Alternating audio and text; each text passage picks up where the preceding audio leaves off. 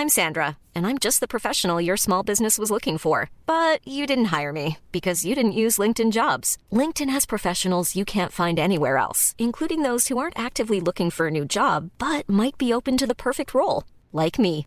In a given month, over 70% of LinkedIn users don't visit other leading job sites. So if you're not looking on LinkedIn, you'll miss out on great candidates like Sandra. Start hiring professionals like a professional. Post your free job on linkedin.com/people today. Millions of people have lost weight with personalized plans from Noom, like Evan, who can't stand salads and still lost 50 pounds. Salads, generally, for most people, are the easy button, right? For me, that wasn't an option. I never really was a salad guy. That's just not who I am. But Noom worked for me. Get your personalized plan today at Noom.com. Real Noom user compensated to provide their story. In four weeks, the typical Noom user can expect to lose one to two pounds per week. Individual results may vary. This is Paige, the co-host of Giggly Squad, and I want to tell you about a company that I've been loving, Olive and June. Olive and June gives you everything that you need for a salon quality manicure in one box. And if you break it down, it really comes out to $2 a manicure, which is absolutely insane. It's also so easy to get salon worthy nails at home with Olive and June. The difference between how your nails used to look when you did them yourself and now with the Manny system is a complete game changer. The best thing about Olive and June too is it's a quick dry. Dries in about one minute, lasts for five days, and full coverage in up to one to two coats. Visit oliveandjune.com slash perfectmanny20 for 20% off your first system. That's oliveandjune.com slash perfectmanny20 for 20% off your first system.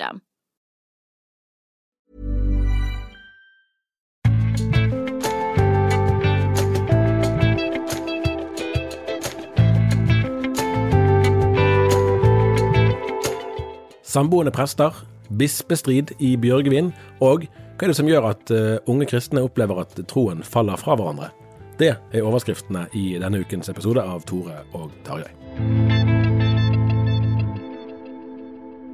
Vi er på plass på kontoret, begge to. Tarjei Gilje her, Tore Hjalmar Sævik eh, der. Det er en eh, ualminnelig fin novemberdag i Bergen. Ja, det er jo nydelig på Vestlandet på sånne dager. Ja, og vi får glede oss over de, for det er mange andre dager òg. Eh, Ja da, det er klart. Ja, Det blir jo desto sånn, finere. der er en sånn eh, På baksiden av eh, papirutgaven til Bergens Tidende så har de en sånn kolonne der, der det står da 'akkumulert nedbør så langt i år'.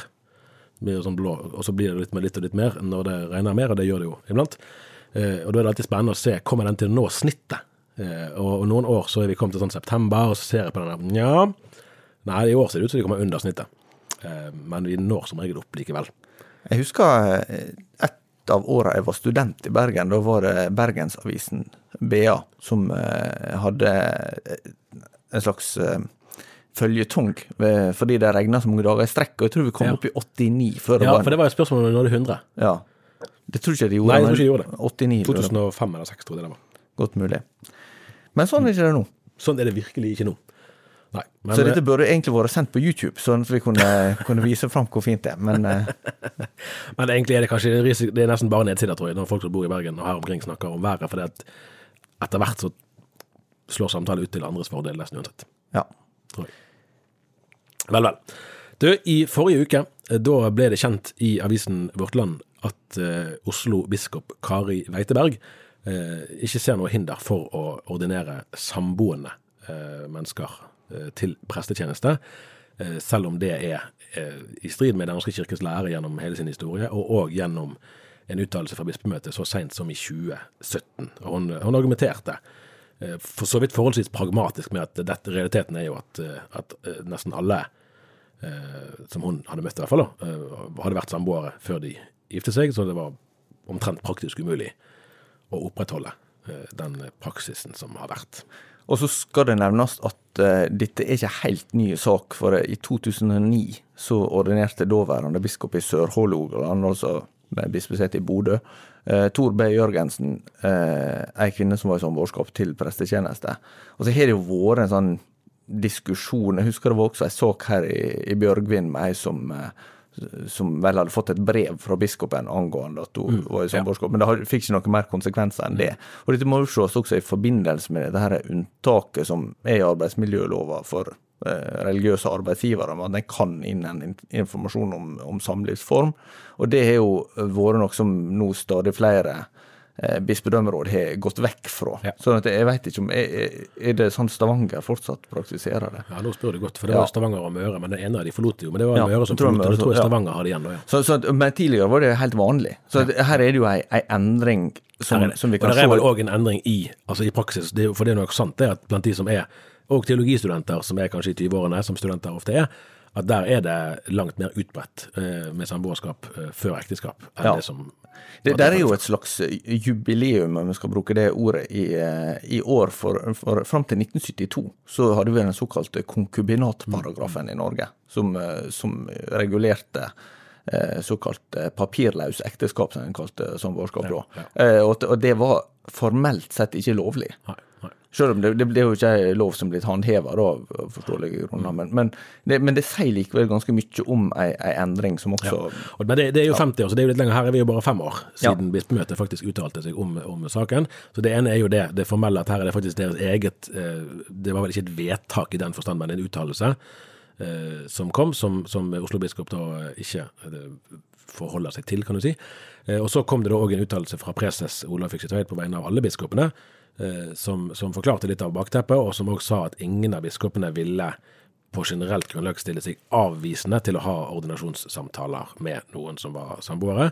Og så har da eh, biskopene snart emeritus, Halvor Nordhaug eh, her i Bjørgvin og Stein Reinhardsen i Agder, kommet med et leserinnlegg som vi publiserte nå i ettermiddag, der de presiserer at her er jo ulike syn på dette òg i bispemøtet, og at de for sin del eh, står ved det de har ment eh, tidligere. Og det var jo Nordhaug som sendte det brevet som du snakket om eh, her i Bjørgvin noen år tilbake. Eh, men samtidig at de vil ikke kategorisk avvise samtaler med eh, samboende prester, selv om de da altså står for det samme som de sto for før.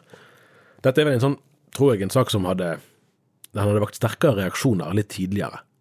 Eh, men nå er man blitt vant med at eh, verden forandrer seg, og det er ikke alle kamper man gidder å kjempe lenger, tror jeg. Nei, og så, så er det jo kanskje noe med hva miljø en beveger seg i. For i Den norske kirke så er vel dette her mindre omstridt. Altså, Ja. På, på 70- og 80-tallet så var jo dette her eh, noe som, som eh, var mer Altså, det var mer kontroversielt. Da fortsatt, iallfall i, ja. Det, det endra seg ganske mye i løpet av 80- og 90-tallet, tror jeg. Ja. Jeg blir litt si. fascinert. eh, Altså, jeg, jeg er jo en ivrig seer av, eh, av Netflix-serien The Crown. eh, sant? Eh, og, og, og nå når jeg har vært eh, litt sykmeldt i høst, så har jeg jo vært mer hjemme enn jeg pleier. Og da har jeg òg sett på Jeg er egentlig ikke noen sånn veldig kongehus-type, men, men jeg har sett på noen dokumentarer, sånn ekte, da. Eh, Altså det som faktisk er dokumentarer om, om dronning Elisabeth og kongehuset. Og der var det én ting som, som ble litt sånn obs på. Og det gjaldt jo vielsen til Diana og, og Charles og, he, og hele greien med, med samlivsbrudd og alt der. At på det tidspunktet der ekteskapet deres ble inngått, da eh, I hvert fall når det gjaldt de kongelige, så det at, eh, at eh, den som skulle gifte seg med, eh, med kronprinsen, faktisk var jomfru, det betydde noe. Selv om mange visste at i andre vielser så var det sånn som det var. Mens, mens der at de, de illustrerte, og etter hvert for Charles sitt forhold til, til Camilla, sånn, som, som nå er hans kone, eh, der det var helt opplagt at det var en utroskapssituasjon, eh, at det var Det sementerte på en måte det som allerede hadde vært samfunnsutviklingen lenge, men der, når det skjedde hos de kongelige, da var det Da var det liksom eh, eh, Det var egentlig kontroversielt den gangen, eh, mer enn det ville vært nå. Eh, og det var et skifte der.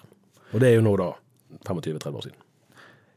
Det handler vel også om at ekteskapet har både ei eh, praktisk eh, ordning som, som har vært viktig i en i vår kulturkrets da, for å, for å regulere samliv. At, at en ikke, som i katolsk sammenheng, tenkt at det er et, et sakrament, men det, men det er en slags sånn en skaperordning som, som, eh, som ligger der som en slags Ja, for å holde orden på, på, på oss på en god måte, da.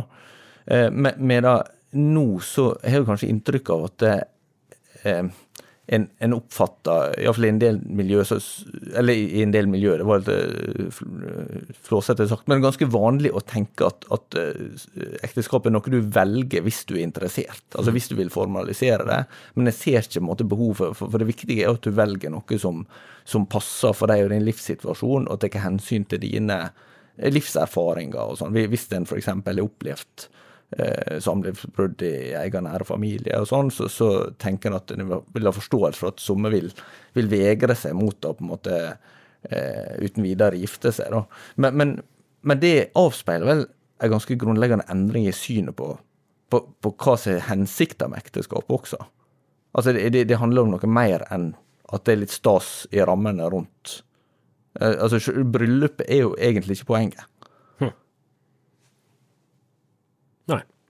Nei, det var vel en eller annen eh, som hadde uttrykt det sånn at det, var sånn for han en markert ekteskapsinngåelse med at begge to hoppa over en stein, så lenge det var på en måte offentlig erklært at en eh, lovte å holde seg til ja, til Eh, Nei, den Offentligheten er jo noe av det som, som, har vært konstituerende. og det er jo, altså for Alle kan jo se rundt seg at det finnes jo sikkert massevis av, av Eh, samboerskap som i sin natur innebærer en sterkere grad av overgivelse og forpliktelse mellom de to enn mange ekteskap gjør. Så det er ikke sånn at man det man inngår ekteskap, så er man automatisk mer dedikert til hverandre. Men det er jo likevel en kjensgjerning at et kristent ekteskap. Og det, der, der oppstår jo en litt sånn ironisk situasjon vel, idet en prest som sjøl skulle være samboer, står og skal foreta en vielse og skal lese og benytte vigselsliturgien, der man legger opp til at ekteskapet er den samlivsformen som, som kirken, som Gud, eh, velsigner, mens man sjøl da åpent ikke eh, tar konsekvensen. Men, men, men hva er årsaka til at dette blir en problemstilling blant prester, sånn som du Nå er det jo litt sånn eh, altså flere paradokser her. fordi at, fordi at eh, altså, endringen med å åpne for likekjønnet samliv er jo en mer grunnleggende endring enn dette. og den er jo blitt vedtatt med stort flertall. Så det er jo nesten en sånn eh, Det blir jo nesten en pussighet eh, sånn sett at dette forbudet, da, selv om det, det er vel aldri blitt vedtatt som noe forbud, det har bare aldri blitt åpnet for det, eh, at det skal, skal bli stående. Og sånn sett er det ikke så rart at dette, at dette skjer. Men, men, ja. Nei, der står man, da. Og det er jo en det, jo, altså det, jo, det, det står jo fremdeles som et paradoks, og at at de som skal foreta vielser av likekjønnede par, kan ikke bruke de tekstene i Bibelen som handler om ekteskap. Så det er et, et spenn her mellom den realiteten man opplever å stå i, og de, det måte, bibelske materialet man òg eh, skal forvalte som, som kirkelige medarbeidere. Eh, og så prøver man å finne, å finne, en eller annen vei. og så er det jo, For det er, der er vil jeg si, en, en kvalifisert forskjell mellom det som Kari Weiteberg sier, og det som Don Nordhaug og Reinertsen sier, selv om det er noe felles i at ingen av de vil stenge døren kategorisk før de har snakket med de, de prestekandidatene som måtte være der. Et, vesentlig poeng her er vel også det at eh, Det nye testamentet bruker bryllup, eller ekteskapet som en slags bilde, eller ja. et eh, avbilde av forholdet mellom ja, ja. Og det er jo der, uh, Jesus Kristus og den kristne eh, kirke. Da. Mm. Og, det er også et ekteskap, og det sier noe om styrke i forpliktelse og det er overgivelse. At en liksom har sagt at det, her er noe som, som er urokkelig. Og, så vet en jo at alt, alt, menneskelig vil jo være bleike og sårbare ja, ja, Alltid feilbarlig. Men det er likevel, her er det jo en interessant hvis man trekker, Nå skal jeg gjøre noe som du uh, gjør, uh, kanskje det går oftere enn meg, nemlig å trekke en lang historisk linje. Uh, og Det er jo helt tilbake til urkirken, for da var jo nettopp ektefellenes troskap mot hverandre noe av det som som, der kirken skilte seg ut fra omgivelsene. Ja, Der er jo et sitat som blir gjengitt fra Tertulian, mm. som var kirkeleder i Nord-Afrika rundt år 200, at, at kristne har alt felles utenom ektefellene. Hos hedningene er det motsatt. Ja. Og det Altså, det, skulle aldri være noe kirkelig ideal at kirken sitt, sin liksom generelt samlivsetikk skal være i synk med samtiden. Eh, det, I så fall eh, har det vært 2000 år med, ja, med avsporinger, for å si det sånn. Eh, så det er, jo, der er noe der som ja, Det blir spennende å se hvem som forvalter, forvalter frimodighet da, i årene fremover. Men, men, hvordan oppfatter du at, at biskopene altså hva, hva funksjon tenker de at ekteskapet har? For, for, de, de, kan sikkert tenke mange ting om det, altså, men jeg vet, jeg vet, ikke om det egentlig er en sentral del av samtalen her. Her tror, virker det jo ut fra sånn som Weiteberg resonnerer. Hvis du tenker rent sånn praktisk, hvis, hvis, realiteten er at nesten alle de som, som studerer teologi, har vært samboere før de er prester, så vil jo saken være at hvis biskopen sier at jeg vil kun ordinere folk som, som har på en måte fullt eh, nedskrevet teologi, så har ikke de prester. Eh, det ja, vel, ja, det er vel få nok allerede? Kan, det er nettopp utfordringene er store nok som de er. Så jeg tror nok det er og det, sånn kan det nok være i mange situasjoner at du skulle ønske at virkeligheten var annerledes, men du må forholde oss til den verden vi, vi er i. og Er man biskop, så må man må, må, må, ha prester. Så det kan være sånne praktiske eh, avveininger. Um, og, og, og, så tror jeg jo òg at, at både biskoper og andre, og det gjelder jo kristne ledere i alle slags sammenhenger, kan måtte ønske at både kjennskapet og ærefrykten for Guds ord eh, skulle vært på et annet sted enn den er, men eh, her er vi. Vi må forholde oss til den tiden vi lever i, og prøve å gjøre det vi kan med det utgangspunktet. Men dette er ikke en samtale som vi ser i andre, andre kirkesamfunn? Nei, Nei, i hvert fall, nå, nå er jo ikke den samtalen kommet så langt i Den norske kirke heller, så det er jo tidlig, og det var jo bare før, altså en knapp uke siden dette ble kjent. Eh, så det er jo tydelig å si. Men nei, det, det ser jeg ikke for meg, altså. Det er jo Metodistkirken som har ligget nærmest Den norske kirke i samlivsetikken, så det kan jo være at det er, der òg, eh, eller kommer der òg først. Eh, men det, det, det, vet jeg ikke. Da tror jeg vi, vi, holder oss i Den norske kirke, men vi flytter oss litt grann, eh, geografisk sett nærmere for så vidt der vi sitter sjøl. På søndag da var jeg i Bergen domkirke og, og, og bivånte avskjedsgudstjenesten for biskop Halvor Nordhaug. Det var jo storslagent, altså. Jeg er blitt veldig glad i sånne her svære gudstjenester med tre kor. To organister, ikke samtidig, da. Eh, blåserekker. Den ene etter den andre. Det var, det var kjempeflott, altså, eh, å være med på. Eh, og, og, og, det har jo nå gått 13 år siden. 13 og et halvt år drøyt det siden Halvor Nordhaug ble, ble, innsatt. Eh, nå var det da punktum. Vi hadde et fint avskjedsintervju med han i avisen her. Og så, og så er det jo da en egen prosess for å utnevne hans etterfølger. Og Der kom jo da listen på fem kandidater, ble offentlig på fredag, to dager før denne avskjedsgudstjenesten. Men det spørs om de fem er de eneste. Ja, det kom rett og slett et initiativ til såkalt supplerende nominasjon. Ja. Det finnes jo eksempel på at det har ført fram. For de som Nå skal jeg ikke trekke den kirkehistoriske linja så langt, men Sigurd Osberg, som, som, var biskop i Tunsberg, som det heter da. Det, det heter det nå, ja. Og Tunsberg biskop var i domkirken. Ja. ja. Eh, på, på 90-tallet. Han ble rett og slett eh, biskop ved såkalt supplerende dominasjon. Jeg vet ikke om det har vært noe etter den nye Nei, utnevnelsen, for, for, nå er det jo Kirkerådet som utnevner ja. de siste ti åra, kan jeg vel mm. si at det har vært sånn. Mm. Det er knapt det, kanskje. Mm, ja. eh, og, og, dermed så, så, er det så er det jo ikke sånn at, så det var før at regjeringa Nei, Det var et litt ja. morsomt poeng, faktisk. Olav Fikse Tveit, preses, hadde sin hilsen til Halvor Norhaug på den gudstjenesten. og påpekte det at, at Norhaug kunne takke statskirkeordningen for at han ble biskop i Bjørgvin og ikke i Møre. Fordi at saken var jo der at hans far var biskop i Møre. Han var den første biskop som var i Møre, som ble eget bispedømme i 1983, tror jeg det var. Kan det stemme? Jeg tror det stemmer. Eh, og, da, og da eh, var poenget at Nordhaug, Halvor Nordhaug var den som fikk klart flest stemmer lokalt eh, når det skulle utnevnes ny biskop eh, i Møre, men Trond Giske, som var kirkeminister, utnevnte istedenfor uh, Ingeborg Midtømme, som sitter her nå. Eh, og dermed, da, når det ble ledig bispesete i Bjørgvin året etter, så kunne da Halvor Nordhaug få det. Men hvis han hadde vært i Møre, så hadde han jo antagelig blitt værende der. Så, så får man vurdere for Halvor Nordhaug sin del om statskirkesystemet slo til hans fordel eller ulempe. Det virket som han hadde likt seg. Eh, men, men, sånn kunne det være. Eh, at da, da, var det regjeringen som tok en eller annen sånn helhetlig beslutning ut fra de kriteriene statsråden og, og apparatet der vil legge til grunn. Nå er det Kirkerådet som gjør sin. Altså, Det er jo en helhetlig vurdering, det òg. Eh, nå er det jo mer enn kirkepolitisk. Altså det, Kirkerådet er et kirkepolitisk organ valgt av Kirkemøtet og kirkemedlemmene.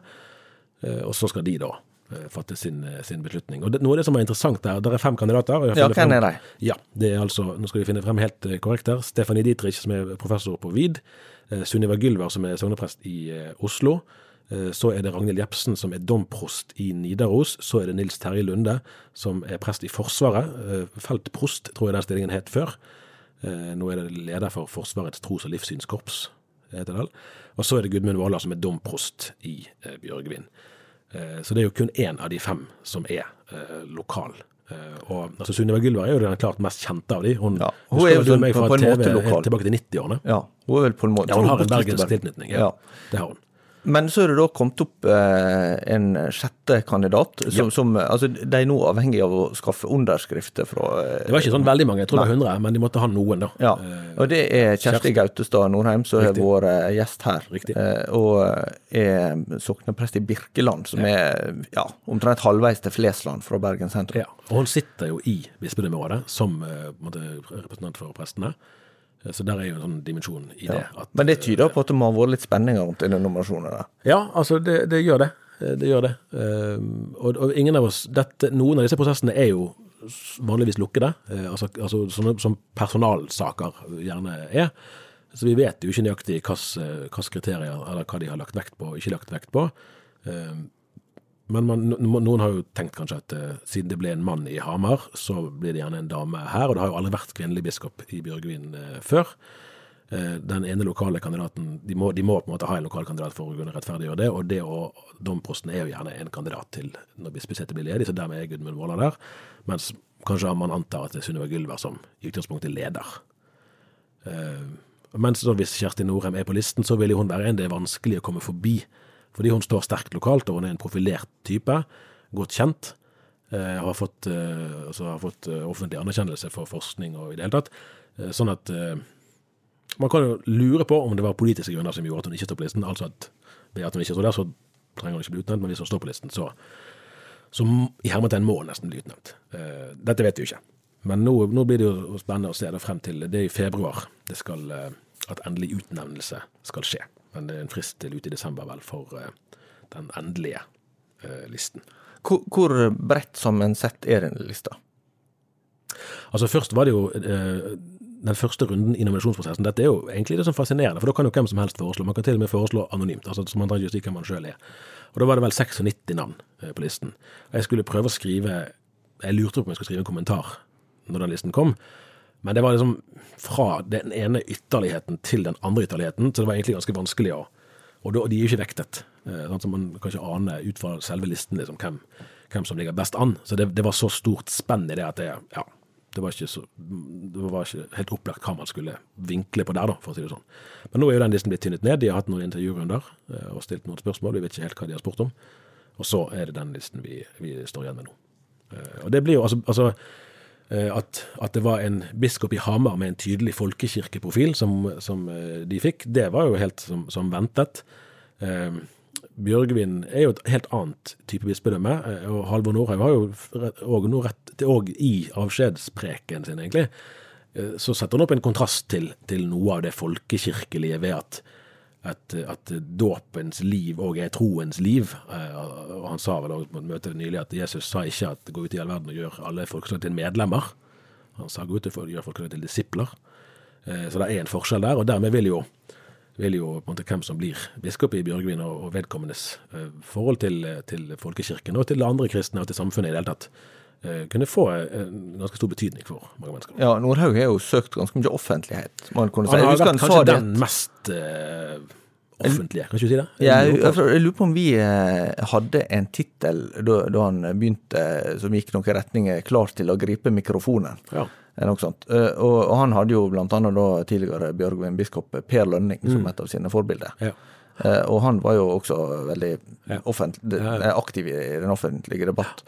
Men, men eh, Nordhaug har jo bl.a. satsa på et eh, på Troen løs arrangement ja. på eh, Litteraturhuset i Bergen. Han, han har virkelig gjort mye for Og også hatt eh, biskopen på hjemmebane Mm. i, i domkirka. Så han er jo vært en som, som har ytra seg mye, Mm. da. Og så er han eh, Det sier jo kanskje også litt om bispekollega, at han, han har jo blitt en slags konservativ stemme, som han vel sa var til Vårt Land, at han har for så vidt ikke vært ukomfortabel med det. Men han er jo i utgangspunktet altså Hvis du går 10 eller 20 Mm. år tilbake, så ville en kanskje tenkt på Nordhaug som nokså sentrumskirkelig.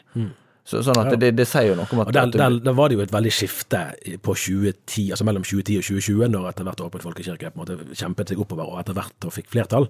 Så representerte altså endringer som hadde hadde vært på vei over en del år, eh, skjedde da fortere. Så Ja nå er tyngdepunktet vesentlig forandret. Og det er sant det som du sier, at det, han ville blitt sett på som en sånn moderat konservativ. For i, i din og min, altså vi skal ikke lenger tilbake enn vår, liksom, når vi fikk stemmerett.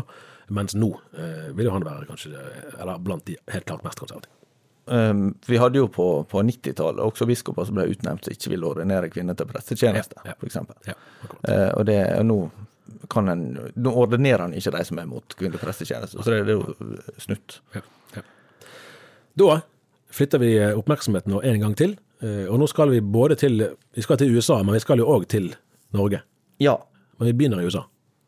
Vi skal Det- snakke om dekonstruksjon. Det er jo litt sånn teknisk begrep. det, det er jo det. Eh, men eh, utgangspunktet her var at jeg nå eh, hadde på trykk antagelig det som blir min siste artikkel. fra- Man vet aldri. Man vet aldri, men, eh, men eh, fra eh, reisa til USA som jeg gjorde i eh, september. Og den eh, tok utgangspunkt i to eh, unge eh, kvinnelige studenter ved eh, Kings College i New York, som hadde eh, bakgrunn fra Den ene fra Pennsylvania, den andre fra Kentucky, uten at vi skal gå inngående inn i amerikansk geografi. Men eh, som vel hadde det til felles at de hadde eh, eh, gått gjennom en slags dekonstruksjonsprosess altså, kommet fra et, et eh, kristent miljø som de etter hvert kjente seg mer fremmede for. Eh, og, og, stilte mer og mer spørsmål ved ting som hadde vært eh, etablerte sannheter der. Og eh, jeg ser jo at den Nå følger vi med på litt på nettet hvordan ting går på nett, altså på dagen.no. Og jeg ser at den, den artikkelen er tydeligvis en del som har hatt interesse for, da, for den har egentlig vært relativt godt lest. Og det var det som gjorde at jeg tenkte, når du sier vi snakker både om USA og om Norge, så, så tror jeg at det, det stemmer, fordi dette her er jo en, når vi snakker om generasjon Z, de som er født mellom 1995 og 2010, sånn mm. cirka, så tenåringer og unge voksne i dag, så er det nok mange som kjenner seg igjen i en del av de tankene og, og opplevelsene som, som, disse to eh, unge kvinnene setter ord på. For én ting er jo hvis man bryter ut sant, aktivt og kaller at nå, nå, er jeg ikke lenger kristen, eller det kan jo være andre ting. Nå er jeg ikke lenger uh, muslim, nå er jeg ikke lenger ateist. Altså Man gjør et markant brudd, og man går fra noe til noe. Uh, her er det jo disse, disse, kommer jo ikke ut nødvendigvis med et veldig sånn uttalt program. Tidligere var jeg katolikk, nå er jeg blitt lutheraner. Uh, men det de har vokst opp med, det tror de ikke lenger. Eller det, det, det, de trives ikke lenger der. Ja, det, det, tror jeg er for så vidt treffende. og De, de som jeg snakker med, strever litt med at de, de vil ikke si at de ikke er kristne, mm. men det, det, er en del ting som ganske mange kristne, i alle fall i en teologisk konservativ sammenheng, er udiskutable eh, sannheter, enten det gjelder dogmatikk eller eh, standpunkt i etiske spørsmål, der de vil si at nei, men dette, dette er ikke vi, vi enige i, eller dette er ikke bra, eller sånn. Eh, og det reflekterer vel noe av spenninga som oppstår, ikke minst for, for, en generasjon som nå er veldig eksponert for veldig mange inntrykk og veldig mange valgalternativ, og en sterk betoning av at individet må velge. Du skal ikke bare slutte deg til eh, et trossamfunn og la autoriteter der fortelle deg hva, hva, du skal gjøre. Du må kjenne etter hva som er bra for deg, hva du sjøl opplever er ja, er godt og sant, eller hva du kan stå for. Hva, hva som, er, hva som er verdt å eh, verdt å ja, eh, bruke livet sitt på. Da. Og, og, da er det vel en av de eh, faktorene her som, som, jeg tror er felles eh, i den Ikke minst, altså det gjelder jo generelt, men også ikke minst i den ungdomskulturen som, som eh, har vokst fram de siste tiåra, at autoriteter og, og, strukturer som måtte holde fast på noe som, som, eh, som eh, ligger der uavhengig av hva jeg måtte mene om det, det, det, det har litt mer problem med å få tilslutning. Akkurat. Eh, noe som jeg har tenkt litt på når jeg hører sånn her, eh, for vi har jo en del av de historiene i Norge òg, av, av relativt unge mennesker. og de kan jo, altså Dette er ikke noe nytt i og for seg, men, men det skjer kanskje i litt større skala nå, lurer jeg på.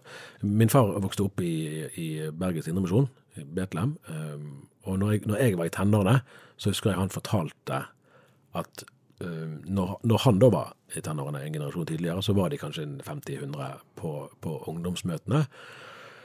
Mens nå, sa han den gangen, nå er det bare et fåtall av de som er eh, menighets- eller kirkeaktive fortsatt. Eh, og det hadde, kunne man ikke eh, Man kunne ikke anta det den gangen. Og så har jeg prøvd å tenke sjøl, og nå er jeg litt over 40, når jeg ser tilbake på min egen ungdomstid. Uh, de som da var med i ungdomsmiljøet der jeg var med, uh, hvor mange er det der som da er aktive ennå, hvor mange er det som ikke er det. Så jeg, tror ikke tallene er fullt, altså, er ikke fullt så dystre, men det er ganske mange som, som på ulike måter fra da slutten av tenårene til nå har og Det er ikke nødvendigvis at det er et veldig markant oppbrudd. At jeg, jeg, jeg, tror ikke på Gud lenger. Noen har nok gjort det òg, men det er mer litt sånn som dette. Eh, at det funket ikke lenger. Det rakner. Det, det, henger ikke sammen. Dette kan ikke jeg være med på lenger. For min samvittighets skyld etter hvert. Dette, dette, er noe som jeg har eh, som en del av min oppvekst, og for noen er det gode minner, for andre er det vonde minner. Men i hvert fall dette, dette står jeg faktisk ikke for. Eh, og det er ikke så lett eh, som hvis man prøver å tenke fra de som er igjen i menighetene, og kanskje enda mer fra ledere, da. Hvordan skal man møte dette? Det er vel iallfall eh, en øvelse å sortere mellom hva er det som, som eh, er udiskutable og fastlagte sannheter, og hva er det som er kultur og konvensjoner. Og, og den diskusjonen blir en kanskje aldri helt ferdig med, for, Nei, for er- alle mennesker er jo konvensjonelle Ja, eller kulturelle ja, på en eller annen forstand. Ja. Men, men eh, noe av det som jeg ser Christianity Today har jo også skrevet litt om, eh, om fenomenet, for dette er jo nokså stort i amerikansk sammenheng siste, siste åra, med en del ganske høyt eh, profilerte sånn kristenkjendiser i sin generasjon som har, gått ut med sånne rekonstruksjonshistorier. Og, og eh, en av erkjennelsene er dette at all kristen tro vil jo være i eh, utvikling. Altså også, også ei, ei kristen tro som er i vekst, vil eh, kanskje måtte ta oppgjør med ting, fordi du, du opplever at ja, men, men jeg har jo gått og meint veldig sterkt noe, kanskje fordi, fordi jeg eh, er fra et bestemt område, eller født inn i en bestemt tid, eller født inn i en bestemt kristen tradisjon, og så møter en andre, og så sier en ja, men, men det vi mente veldig sterkt, var kanskje ikke fordi vi har lest i Bibelen, egentlig, men fordi vi hadde vent oss til at sånn måtte det være. Um, og, og så ble jeg nødt til å, å, å tenke at ok, men, men her, her har jeg visst tenkt litt for enkelt. Når du hører eh, historien til de som du møtte, tenker du at dette, her er det såpass mange komponenter i deres virkelighetsbilde som, som handler om amerikanske forhold, at, at overføringsverdien er begrenset, eller tenker du at dette er egentlig, dette må vi regne med at vi kommer til å se i større skala òg i Norge, at disse, disse ligger bare noen år foran? Nei, altså jeg tenker kanskje heller det ligger noen år bak. Det, det, det er bare mer at det kommer mer eksplosivt, for, fordi at eh, sekulariseringa i USA har skjedd Ja, den- er seinere, men den skjer veldig fort eh, ja. når den skjer. Eh, men, men samtidig så tror jeg det er en del paralleller. Det som jeg tror er litt annerledes i amerikansk sammenheng, det er for det første at du har hatt en sterkere tilknytning med politikk og, og tro, ikke minst knytt til evangelikale miljø som, som eh, har vært sterkt knyttet til det republikanske partiet, og for en del, ikke minst unge mennesker, blitt mer kritisk til det, og, og også eh, med ganske skarp uenighet som oppstått rundt Donald Trump og, og, og vurderingene av, av han som, som president. Da. Så, så har nok det liksom sett dette enda mer på spisset for en del. Eh, men, men så har du kanskje i tillegg også at en i amerikansk kristen tradisjon så har du hatt det, Dette er jo begrep som er litt sånn vanskelig å bruke, da, kanskje, men, men en mer sånn fundamentalistisk tendens. Altså i å, i å vektlegge en del ting som, som eh, eh, ja, å uttrykke ting enda mer bombastisk i en del spørsmål enn det en kanskje vant med i, i en del norske uh, miljøer. da. Og, og dermed så, så tror jeg kanskje at, at eh, oppbruddet kan bli enda mer dramatisk. Men jeg tror at det, når du ser på hva som preger en generasjon, ikke minst altså Smarttelefoner kom vel i 2008-2009 eller noe sånt. Eller litt før det. men, Ja, eh, sju kanskje. Fem, ja. ja, men sånn, den Ja. har eksistert i ca. 15 år, da, og den har jo prega veldig den generasjonen som er nå mellom 15 og 25, eller hva det blir. Ja, ja.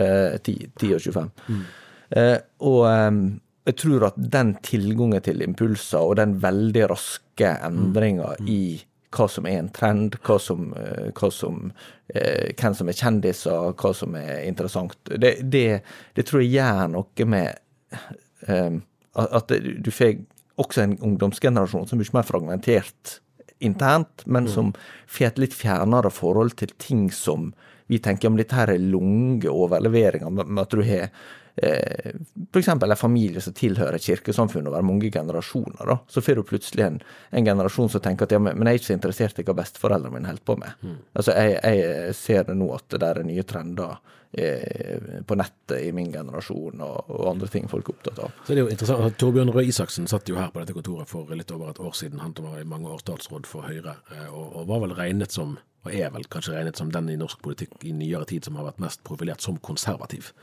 Eh, og det, det begrepet brukes jo eh, mer eller mindre presist òg om teologiske ståsteder, men der en konservativ politiker, sånn som han jo også sier, han, målet med å være konservativ er jo ikke at samfunnet anno et eller annet år skal bare videreføres inn i det uendelige, men det handler om, om å gå varsomt frem i endringsprosesser. Med, altså kontrasten blir på en måte mer det å være revolusjonær, at nå skal det skje med en gang.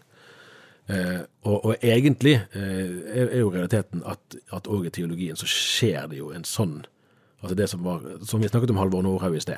Sant? Altså Han blir sett på som kanskje for konservativ. Han hadde kanskje ikke blitt utnevnt i dag hvis, han, hvis en med hans ståsted var, var bispekandidat, mens han for noen år siden ble sett på som en mer sånn sentrumsorientert. Det er i bevegelse. Og, og jeg vil i hvert fall våge å påstå at i en del av de miljøene som, ja, som denne avisen har sitt utspring i, så, så er det en sånn manglende erkjennelse av at ja, vi har forandret oss, vi òg. Sånn at når nå unge mennesker i dag stiller flere spørsmål, så er det ikke sånn at det er første gang det skjer. Men det er vel nok med at det skjer så fort. og så, ja. så er det klart at det, ja, det, er det, det skjer fortere, og kanskje i en større bredde, ja. men at egentlig så ikke det men, men, men noe av den store forskjellen er jo også at du, det blir stilt spørsmål med kanskje enda mer grunnleggende ting, mm. i og med at ikke den kristne trua ligger der som en sånn normalreferanse mm. som er forstått eh, med en viss konsensus, da, hva, hva, den handler om, og hva som gir autoritet og sånn. Eh, så, så, jeg tror at der eh, der er nok det som gjør det særlig utfordrende i vår tid, eh, at, at vi eh, miste litt eh, kontakt med dette med altså Hva er overbevisning? Ja. Hva, hva, er noe som består over tid, og som er udiskutabelt? Fordi at det, jeg, jeg, kan ikke bestemme det. Altså Hvis, mm. Gud finnes, og, og, og at det, han har sagt noe som står fast, og at Bibelen er forpliktende, og sånn, så, så, er ikke liksom alt mulig du kan, du kan gjøre til sosiologi og til psykologi, og, og, på en måte tenke at ja, vi mente sånn for 20 år siden, nå kan ikke vi mene det lenger. Mm. fordi ja, så, så, så der er en slags spenning der som ikke, helt, eh, ikke alltid er lett å sortere. da. Nei, Den er rett og slett veldig vanskelig å sortere, ja. tror jeg må våge å si. Men det tror jeg òg var det vi fikk tid til å si denne omgang. Men dette er jeg ca. 100 sikker på at vi kommer til å komme tilbake til. Ja, Og vel så det. Ja, det blir omtrent som man, hva er som er et godt valg, spør man av og til. Eller spurte man liksom på spøk før i autoritære regimer, og da var svaret alt over 100% Vel, vel. Det var sånn som Hans Wilhelm Steinfeld, NRK-konsulent i Moskva, kunne fortelle med glede fra Sovjetunionens glansdager. Det var det for denne gang. Vi høres igjen.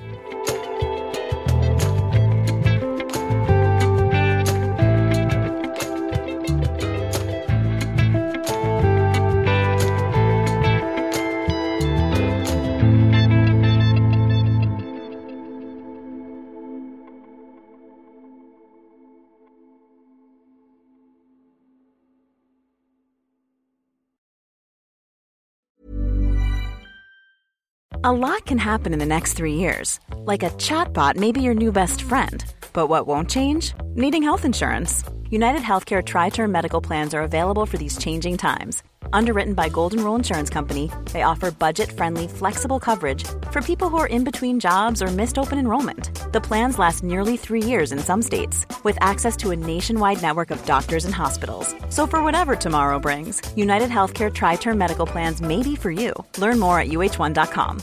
Imagine the softest sheets you've ever felt. Now imagine them getting even softer over time. That's what you'll feel with Bowl and Branch's organic cotton sheets. In a recent customer survey, 96% replied that Bowl and Branch sheets get softer with every wash. Start getting your best night's sleep in these sheets that get softer and softer for years to come. Try their sheets with a 30-night guarantee. Plus, get 15% off your first order at bowlandbranch.com. Code BUTTERY. Exclusions apply. See site for details. Hey, it's Paige DeSorbo from Giggly Squad. High quality fashion without the price tag. Say hello to Quince. I'm snagging high-end essentials like cozy cashmere sweaters, sleek leather jackets, fine jewelry, and so much more. With Quince being 50 to 80% less than similar brands. And they partner with factories that prioritize safe, ethical, and responsible manufacturing. I love that. Luxury quality within reach. Go to quince.com slash style to get free shipping and 365 day returns on your next order. Quince.com slash style.